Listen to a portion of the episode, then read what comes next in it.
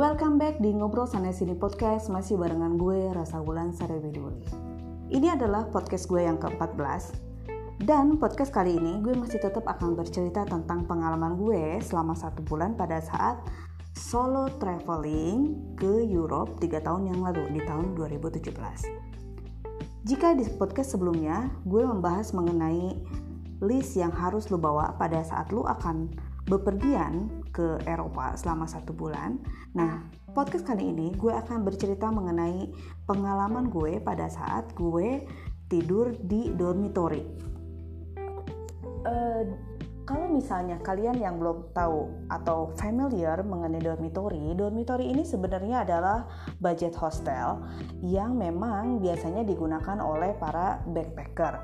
Uh, dormitory ini sebenarnya berkembang tidak hanya di Eropa, tapi di Asia pun udah mulai berkembang. Jadi berdasarkan pengalaman gue selama gue traveling di Singapura ataupun di Malaysia, di negara tetangga kita atau misalnya di uh, negara favorit mungkin Jepang ataupun uh, Korea banyak sekali dormitory yang memang biasanya digunakan oleh para turis yang tidak terlalu uh, punya cukup money. Kalau misalnya lu bilang cukup money, sebenarnya gue bepergian satu bulan pun cukup money gitu ya, uang gue cukup. Cuma ada beberapa hal yang membuat uh, gue memutuskan untuk tinggal di dormitory.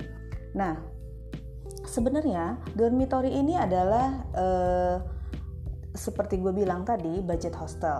Tapi konsepnya adalah konsep menurut gue konsepnya adalah konsep kekeluargaan. Jadi biasanya kalau misalnya di hotel lu tinggal di dalam satu ruangan satu orang dua orang atau satu keluarga. Tapi artis itu adalah orang-orang yang memang lu kenal doang.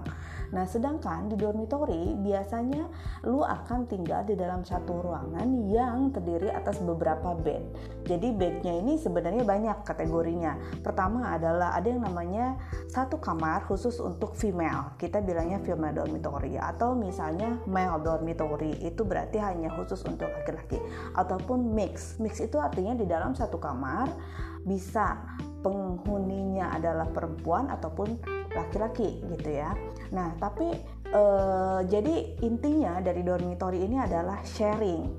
Lu mulai dari lu sharing tempat tidur satu ruangan kemudian lu sharing kamar mandi gitu ya ataupun misalnya lu sharing mengenai breakfast. Breakfast atau mungkin yang paling menarik adalah lu sharing mengenai uh, kitchen. Gue seneng banget sebenarnya konsep sharing ini gitu ya. Uh, nah alasan beberapa alasan yang menarik pada saat lu tinggal di dormitory mungkin uh, ini bisa dijadikan referensi lu juga sebenarnya. Tapi buat gue tinggal di dormitory mungkin aman pada saat sebelum pandemi. Tapi kalau misalnya pandemi sesudah pandemi, gue sebenarnya akan berpikir untuk mencari dormitory yang uh, mungkin recommended, kemudian tempatnya bersih. Pokoknya lu bisa lihat reviewnya entah di TripAdvisor atau sebenarnya di situs-situs untuk membooking dormitory ini sendiri gitu ya. Nah, sebenarnya uh, alasan yang pertama pada saat gue tinggal di dormitory pertama adalah memang budget mengenai uang. Nah kalau misalnya di hotel lu mungkin satu malam hotel di Europe itu bisa sekitar 500 ribu 600 ribu. Sedangkan saat itu gue harus traveling satu bulan. Bayangkan berapa budget gue hanya untuk hotel gitu loh. Kalau misalnya in case lah hotelnya sendiri mungkin yang paling murah adalah sekitar 600 ribu. Berarti 600 dikali sekitar berapa gue mungkin gue berpindah-pindah itu sekitar 14 city itu harus tidur sekitar 20 malam itu membludak banget biayanya. Nah, makanya dormitory ini sebenarnya menyediakan alternatif buat gue. Karena di dormitory ini biasanya budgetnya bisa separohnya. Jadi mungkin sekitar 250 ribu, ya paling banter gitu ya 300 ribu. Nah, dormitory ini ternyata punya juga beberapa kelas. Jadi kalau misalnya, misalnya ini based on dari generalnya ya yang gue lihat. Kalau misalnya uh, ada rankingnya sebenarnya. Jadi kalau misalnya lu coba buka websitenya yang terpercaya nih, salah satunya TripAdvisor, lu bisa lihat ranking dari setiap dormitory. Biasanya kalau yang ranking satu, memang harganya lebih mahal Nah, tapi kalau bisa sama seharga dengan hotel, tapi mungkin bisa dilihat kenapa dia ranking satu. Mungkin adalah fasilitasnya, servisnya, posisinya atau lokasinya itu yang membuat biasanya satu dormitory ini, satu hostel ini bisa dapat ranking satu. Nah, reviewnya ini banyak sekali dari si uh, turis yang pernah datang ke situ. Nah, kemudian uh, jadi biasanya kalau reviewnya bagus dia harganya sebenarnya nggak murah-murah banget gitu. Terus kemudian kedua sebenarnya dilihat dari posisinya juga lokasinya ada di mana. Kalau misalnya lokasinya ada di pusat kota otomatis ya dia harganya tinggi juga gitu. Tapi kalau misalnya posisinya agak ke pinggir kota ya itu harganya akan jauh lebih murah. Tapi balik lagi apa tujuan lu pada saat lu bepergian? Apakah lu ingin menyendiri? Misalnya lu bisa ke pinggiran.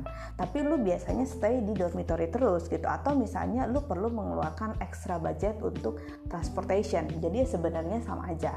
Tapi kalau misalnya lu mau tinggal di pusat kota misalnya di kita bilang central station itu biasanya pusatnya ya harganya lebih mahal. Tapi lu akan bisa saving money di transportation itu aja. Sebenarnya sama aja sih menurut gue kosnya.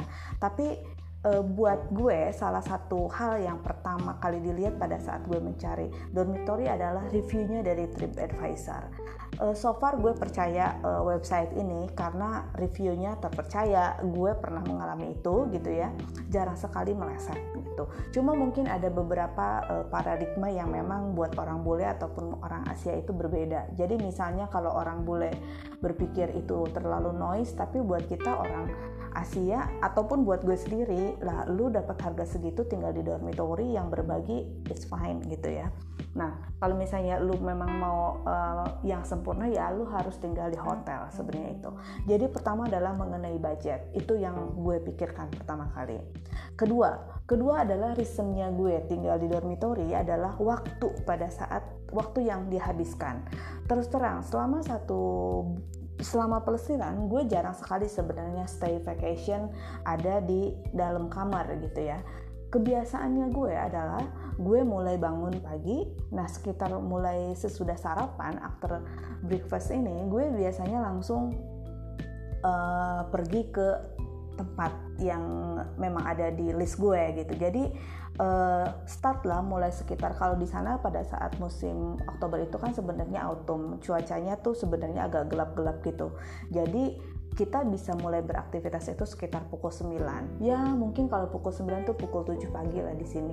Gue bisa balik ke dormitory itu sekitar pukul 7 atau 8 malam. Tergantung kotanya juga karena ada kota yang malam-malam memang rame tapi ada juga kota yang memang malam-malam sepi gitu. Nah jadi gue tinggal di dormitory ini sebenarnya hanya untuk tidur bukan yang memang gue stay vacation akan ada di dalam kamar selama satu hari gitu ya. In case pun misalnya kalau hujan gue jarang sekali tinggal di dormitory gitu ya. Gue lebih suka uh, kabur ke coffee shop lebih seneng aja.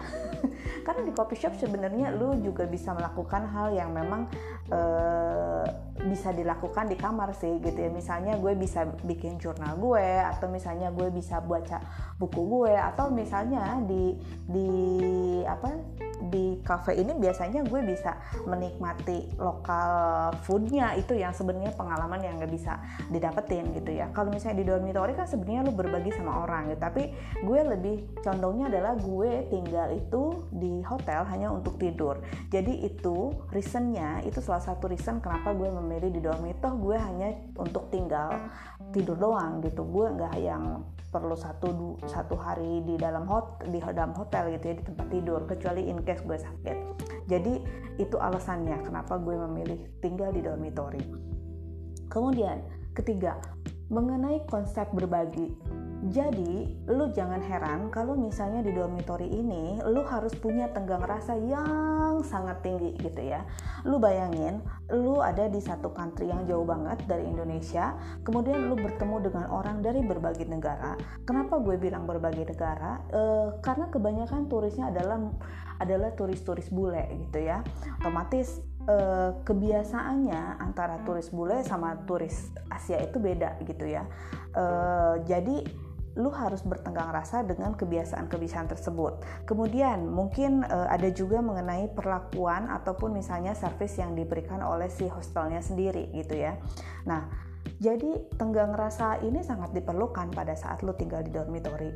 Jadi gini, misalnya lu datang malam-malam, lu nggak boleh ribut dong karena ada orang yang memang tinggal di dalam satu ruangan itu gitu. Nah jadi kalau misalnya lu berisik, kalau misalnya penghuni yang lain cuek-cuek aja mungkin no problem. Tapi sometimes gitu somehow kita dapat temen satu kamar yang memang uh, agak sedikit um, apa ya namanya sedikit rewel gitu. Jadi pada saat lo berisik dia akan bilang hey please bla bla bla gitu. Nah gak enak juga kan gitu. Pada apalagi misalnya ngomong itu orang bule terus lihat kita orang Asia wah lu bayangin itu underestimate banget gitu ya. Tapi buat gue sih sendiri sebenarnya hmm, gue tidak terlalu memikirkan itu gitu ya. Gue pikir semua orang berhak sama dong pada saat kita tinggal di dormitory hak gue sama hak dia sama kan sebenarnya. Kan kita sama-sama turis gitu sama-sama penghuninya si dormitory gue sama-sama bayar gitu ya. Jadi buat gue no problem. Tapi memang gue tahu aturannya bahwa kalau misalnya malam-malam gue nggak boleh berisik. Terus kalau misalnya malam-malam gue nggak boleh juga egois misalnya nyalain lampu. Tapi untungnya di beberapa dormitory bahkan hampir di semua dormitory biasanya kita punya lampu uh, lampu duduk sendiri per satu bed. Jadi enaknya itu di saat misalnya satu ruangan itu lampu utamanya digelapin lu masih punya satu lampu belajar yang ada di bed lu. Itu berguna sekali buat gue karena biasanya malam-malam nih gue tetap bikin review per hari itu gitu ya. Gue bikin uh, ula bikin apa sih catatan kecil-kecil gitu ya di jurnal gue. Terus yang paling penting adalah gue hitung mengenai pengeluaran gue hari itu sisa uang gue berapa gitu. Nah itu itu paling penting sekali gitu ya. Nah itu konsepnya tinggal di dormitory di dalam satu ruangan. Terus kemudian yang kedua yang selanjutnya adalah konsep untuk berbagi misalnya di uh, kamar mandi jarang sekali satu dormitory yang misalnya satu kamar satu punya satu kamar mandi. Kecuali yang gue tahu mungkin sekitar di Asia di Jepang atau Korea memang masih seperti itu. Ataupun di Taiwan mungkin ada beberapa. Tapi kalau misalnya di sana kebanyakan kamar mandinya di luar. Uh, bahkan kamar mandinya biasanya nyatu juga sama si turis cowok gitu ya. Jadi lu uh, apa lu harus ganti-gantian gitu. Nah lu juga harus tahu diri juga dong kalau misalnya tinggal barengan lu nggak bisa misalnya mandi tiba-tiba lu kelamaan sampai setengah jam. Sedangkan ternyata antriannya banyak gitu ya. Tapi eh, apa untungnya ada beberapa kebiasaan yang sebenarnya antara kita orang Asia dan orang bule itu beda. Contohnya adalah pagi-pagi e, mereka itu jarang sekali orang bule itu mandi gitu ya. Kalau misalnya di musim autumn gitu di musim gugur. Mungkin karena cuacanya atau apa gitu. Mereka cenderung kalau pagi-pagi itu cuma gosok gigi cuci muka udah gitu. Sedangkan kalau gue misalnya orang Asia gue senengnya adalah gue harus mandi gitu ya. Mau pagi mau malam mau musim apa pun seperti di sini mau musim panas atau musim hujan ya gue tetap mandi. Nah di sana pun sama. Nah gue paling seneng kalau misalnya pagi-pagi karena istilahnya nih nggak ada kompetitor gue pada saat gue mandi gitu. Tapi kalau misalnya uh, apa malam-malam, wow kompetitor gue ini banyak banget. Apalagi semakin malam. Lu tau sendiri dong, memang sebenarnya kalau di beberapa country misalnya kayak di Amsterdam atau di Munich gitu ya, itu kan sebenarnya kotanya rame. Jadi malam pun mereka ya tetap aja gitu tetap beraktivitas jadi datang biasanya jam 11 jam 12 jadi kalau misalnya lu mandi sekitar jam 10-an ya lu siap-siap aja gitu ada beberapa antrian uh, mungkin lu akan beruntung kalau ternyata dormitorinya punya banyak kamar mandi gitu. Nah, tapi lu perlu perhatikan juga kebersihan dari kamar mandinya. In case misalnya lu menemukan kamar mandi yang kotor, gue sarankan lu untuk ngomong sama si resepsionisnya. Uh, so far sebenarnya uh, kalau kita bilang bisnis hotel kan sebenarnya pelayanan. Biasanya mereka terima gitu ya, mereka terima mengenai komplain dari si penghuninya. Terus kalau misalnya tiba-tiba lu temuin misalnya tisunya habis atau apa sering habis lu bisa bilang juga sama mereka jadi eh, jangan pernah takut lah gue pikir gitu ya untuk ngomong ke ke apa pengelolanya toh lu punya hak untuk berbicara gitu nah itu konsep mengenai si kamar mandi kemudian eh, selanjutnya adalah konsep untuk berbagi breakfast dan juga uh, kitchen gitu ya. Ini yang paling gue suka sebenarnya. Gue selalu mencari dormitory yang memang menyediakan breakfast. Jadi kalau misalnya gue bayar 300 ribu itu termasuk breakfast pagi, itu cukup lumayan karena itu bisa menghemat budget gue kan sebenarnya. Kalau dibilang sarapan kan sebenarnya lumayan. Kopi aja espresso di sana satu setengah euro gitu kan. Terus misalnya lu beli croissant itu satu euro. Udah dua setengah euro gitu kan. Eh terus kalau misalnya lu mau yang agak enak e, rotinya yaitu bisa 2 euro. Jadi udah tiga setengah euro. Bayangkan gitu kan kalau misalnya lu convert itu ke rupiah Nah, sedangkan kalau misalnya lu dapat breakfast di uh, apa breakfast di hotel di hostel itu akan uh, saving budget lo karena biasanya mereka menyediakan roti. Roti otomatis ya kita bilang roti adalah roti dengan selainya dengan menteganya gitu ya terus ada toasternya. Kemudian mereka menyediakan kopi teh ataupun susu gitu ya tergantung dari si dormitorinya. Kemudian biasanya mereka menyediakan juga telur nah gue seneng banget ya telur rebus ini. Karena ini ya based on dari yang gue baca sebenarnya kan telur rebus ini bagus protein pada saat pagi hari. Jadi ini membuat lu lebih apa ya kuat pada saat lu mau beraktivitas. Itu kan saving money banget gitu ya Uh, nah, cuma memang lu harus lihat lagi kalau misalnya lu mau sarapan ya bukan berarti lu sarapan jadi banyak gitu ya.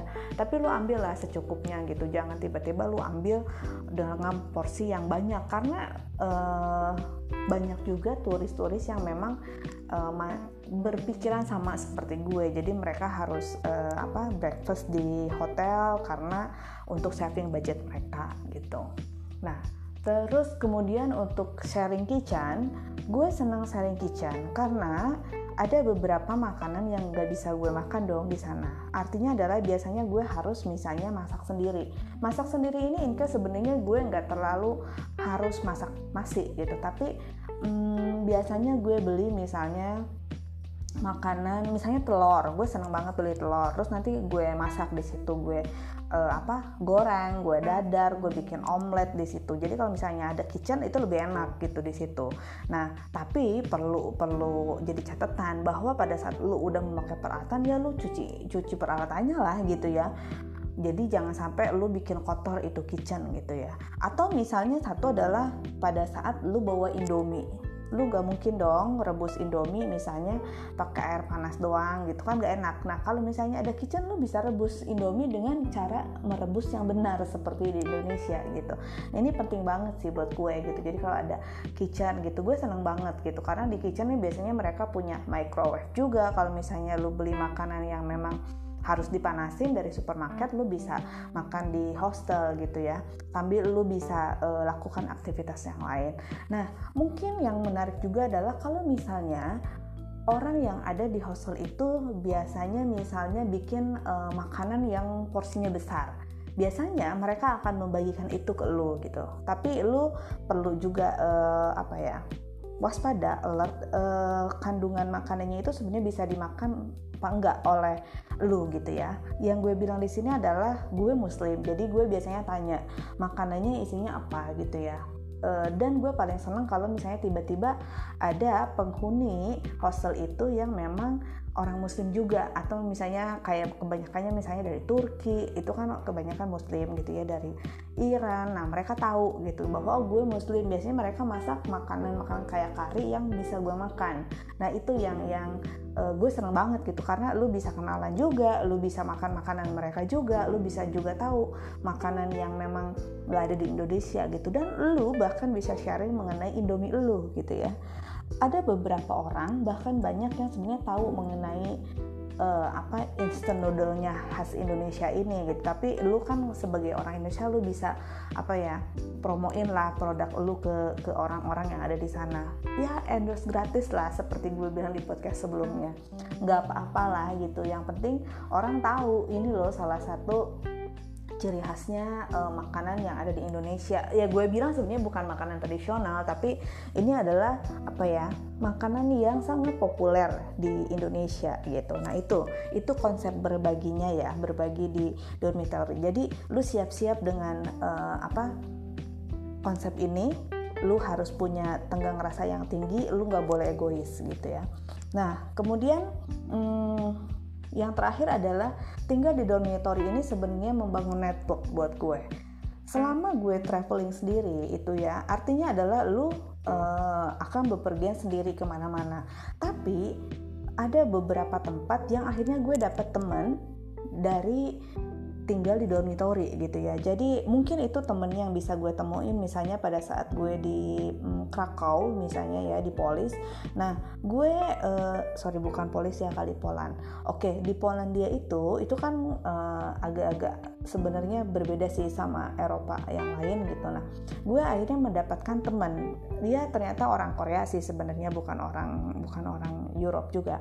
Nah yang memang lagi travelingan juga gitu lagi pelesiran. Dari situ akhirnya karena sama-sama bepergian sendiri gue akhirnya bikin apa ya uh, trip barengan lah sama sama dia gitu ya. Gue keliling-keliling city-nya sama dia. Nah ini sebenarnya berguna buat lo karena lo bisa punya teman nambah juga apa ya pengalaman lo kemudian sebenarnya lebih ke bahasa juga. Lo bisa apa ya memperlancar bahasa Inggris lo gitu ya gue jujur sebenarnya kan gue bukan orang yang bisa berbahasa Inggris dengan bagus gitu tapi so far uh, bepergian ini membuat gue mau gak mau harus ngomong dalam bahasa Inggris tapi intinya sebenarnya pada saat lo Uh, ketemu sama orang yang beda bahasanya adalah gue ngerti bahasa lo, dia ngerti bahasa gue gitu. Nah, itulah intinya gitu. Dan uh, beberapa teman yang gue temuin pada saat gue di sana ternyata akhirnya masih keep in touch nih sampai sekarang gitu ya ada yang memang di apa di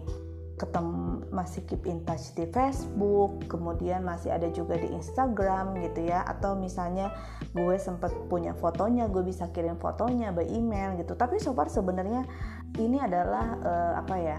Ini adalah uh, what is this like opportunity lu untuk memperkenalkan uh, bahwa lu dari Indonesia lu punya kebiasaan something like this this this and that gitu ya. Nah ini yang lu perkenalkan ke mereka. Terus kalau misalnya lu curious gitu lu penasaran dengan budaya mereka lu bisa sharing. Banyak sekali bahan pembicaraan yang bisa lu lu omongin berdasar sama mereka gitu ya. Lu bisa membicarakan tentang uh, tempat yang akan lo tuju tentang culture lo atau tentang hal-hal yang menarik sebenarnya yang lain gitu ya. Contohnya gue kalau sama orang Korea itu gue bisa cerita dong.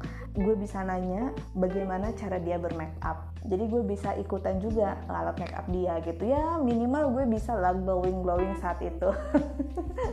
Pada saat gue di Krakow gitu ya. Gue seneng banget sih sebenarnya ini. Atau misalnya pada saat gue ketemu temen gue yang dari Perancis pada saat gue di uh, Vienna kalau nggak salah akhirnya dia ternyata kan bisa ngeramal dia ngeramal gue gitu ya. Terus sekarang masih keep in touch juga di di apa di Instagram gitu ya. Jadi lucu aja sih sebenarnya itu pengalaman yang gak akan bisa lo lupain gitu ya. Nah terus uh, networkingnya itu kan berdasarkan kalau misalnya lu ketemu sama teman satu ruangan gitu. Nah yang lain adalah mungkin uh, networking ini kan sebenarnya berbagi uh, apa ya jaringan. Jaringan ini salah satunya adalah mengenai informasi.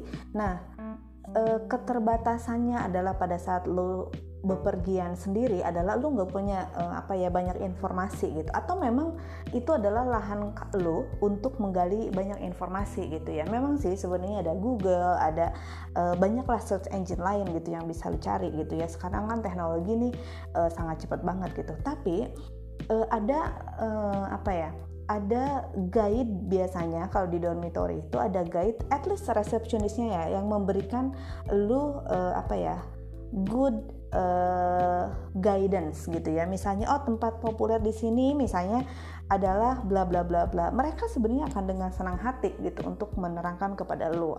Bahkan misalnya informasi mengenai transportasi misalnya, gue mau ke sini, misalnya gue mau ke bandara, gue mau ke apa uh, terminal bus misalnya. Nah itu pakai apa? Mereka biasanya ngasih atau misalnya mereka juga bisa membookingkan misalnya transportasi lo kalau misalnya lo butuh gitu ya. Dan biasanya ada beberapa tempat yang memang membutuhkan kayak uh, tour, nah mereka bisa booking kan gitu ya. Mereka juga punya apa ya punya connection. Akhirnya biasanya harganya akan jauh lebih murah dibandingkan lu misalnya booking sendiri gitulah ke ke agent uh, travel agentnya atau uh, tour agentnya itu gitu jadi uh, ini sebenarnya buat gue konsep-konsep ini menarik banget gitu ya karena membuat gue harus berkomunikasi gitu. Jadi kalau dibilang solo traveling itu lu adalah diam sendiri enggak. Karena kuncinya dari seorang solo traveling biar dia bisa sukses adalah lu harus bisa berkomunikasi gitu. Lu harus bisa beradaptasi gitu. Lu nggak mungkin kan misalnya di tengah jalan terus misalnya lu mau nanya toilet di mana karena nggak ada guide tour ya lu mau nggak mau harus nanya gitu. Kalau misalnya lu misalnya tersesat lu mau nggak mau harus nanya. Lu mau ke mana lu harus nanya gitu. Jadi ini membuat gue lebih mandiri sebenarnya. Nah uh, itulah apa hal-hal yang memang sebenarnya menjadi alasan gue gitu mengenai budget, mengenai konsep sharingnya, kemudian mengenai tadi networkingnya, hmm, satu lagi mengenai apa ya tadi, gue lupa. Pokoknya ada empat gitu ya. Uh, jadi uh, jangan pernah apa ya takut untuk bepergian sendiri gitu dalam jangka waktu yang lama. Sebenarnya kuncinya karena menurut gue kuncinya adalah gimana lo bisa beradaptasi dengan kondisi itu dan dengan beradaptasi ini sebenarnya uh, itu membuka wawasan lo gitu ya. Nah, dan yang paling penting sebenarnya solo traveling ini kan sebenarnya membuat lu harus bisa memanage kegiatan lu sendiri gitu. Nah, ini ini suatu pembelajaran buat gue gitu dan mudah-mudahan juga ini bisa dijadikan uh, apa ya? uh, guidance buat lo kalau misalnya lo memang mau berencana untuk uh, solo traveling kayak gue gitu. Nah, mudah-mudahan ini bisa memberikan pengetahuan buat kalian semua yang dengerin podcast gue. Uh, selanjutnya gue akan masih tetap akan bercerita mengenai pengalaman gue selama uh, traveling dan misalnya kalau lu ada pertanyaan atau apa pun lu bisa kirimkan ke email gue ke rasaulansarawiduri@gmail.com lu bisa bebas untuk bertanya apa pun. Atau misalnya kita mungkin bisa kolaborasi kalau misalnya lu punya pengalaman yang sama gitu. Jadi don't be afraid uh, to go travel to other country gitu ya. Even you are only uh, by yourself gitu ya Oke, semoga kalian seneng dengerin podcast gue. Uh, sampai jumpa di podcast selanjutnya. Thank you, bye bye, ciao.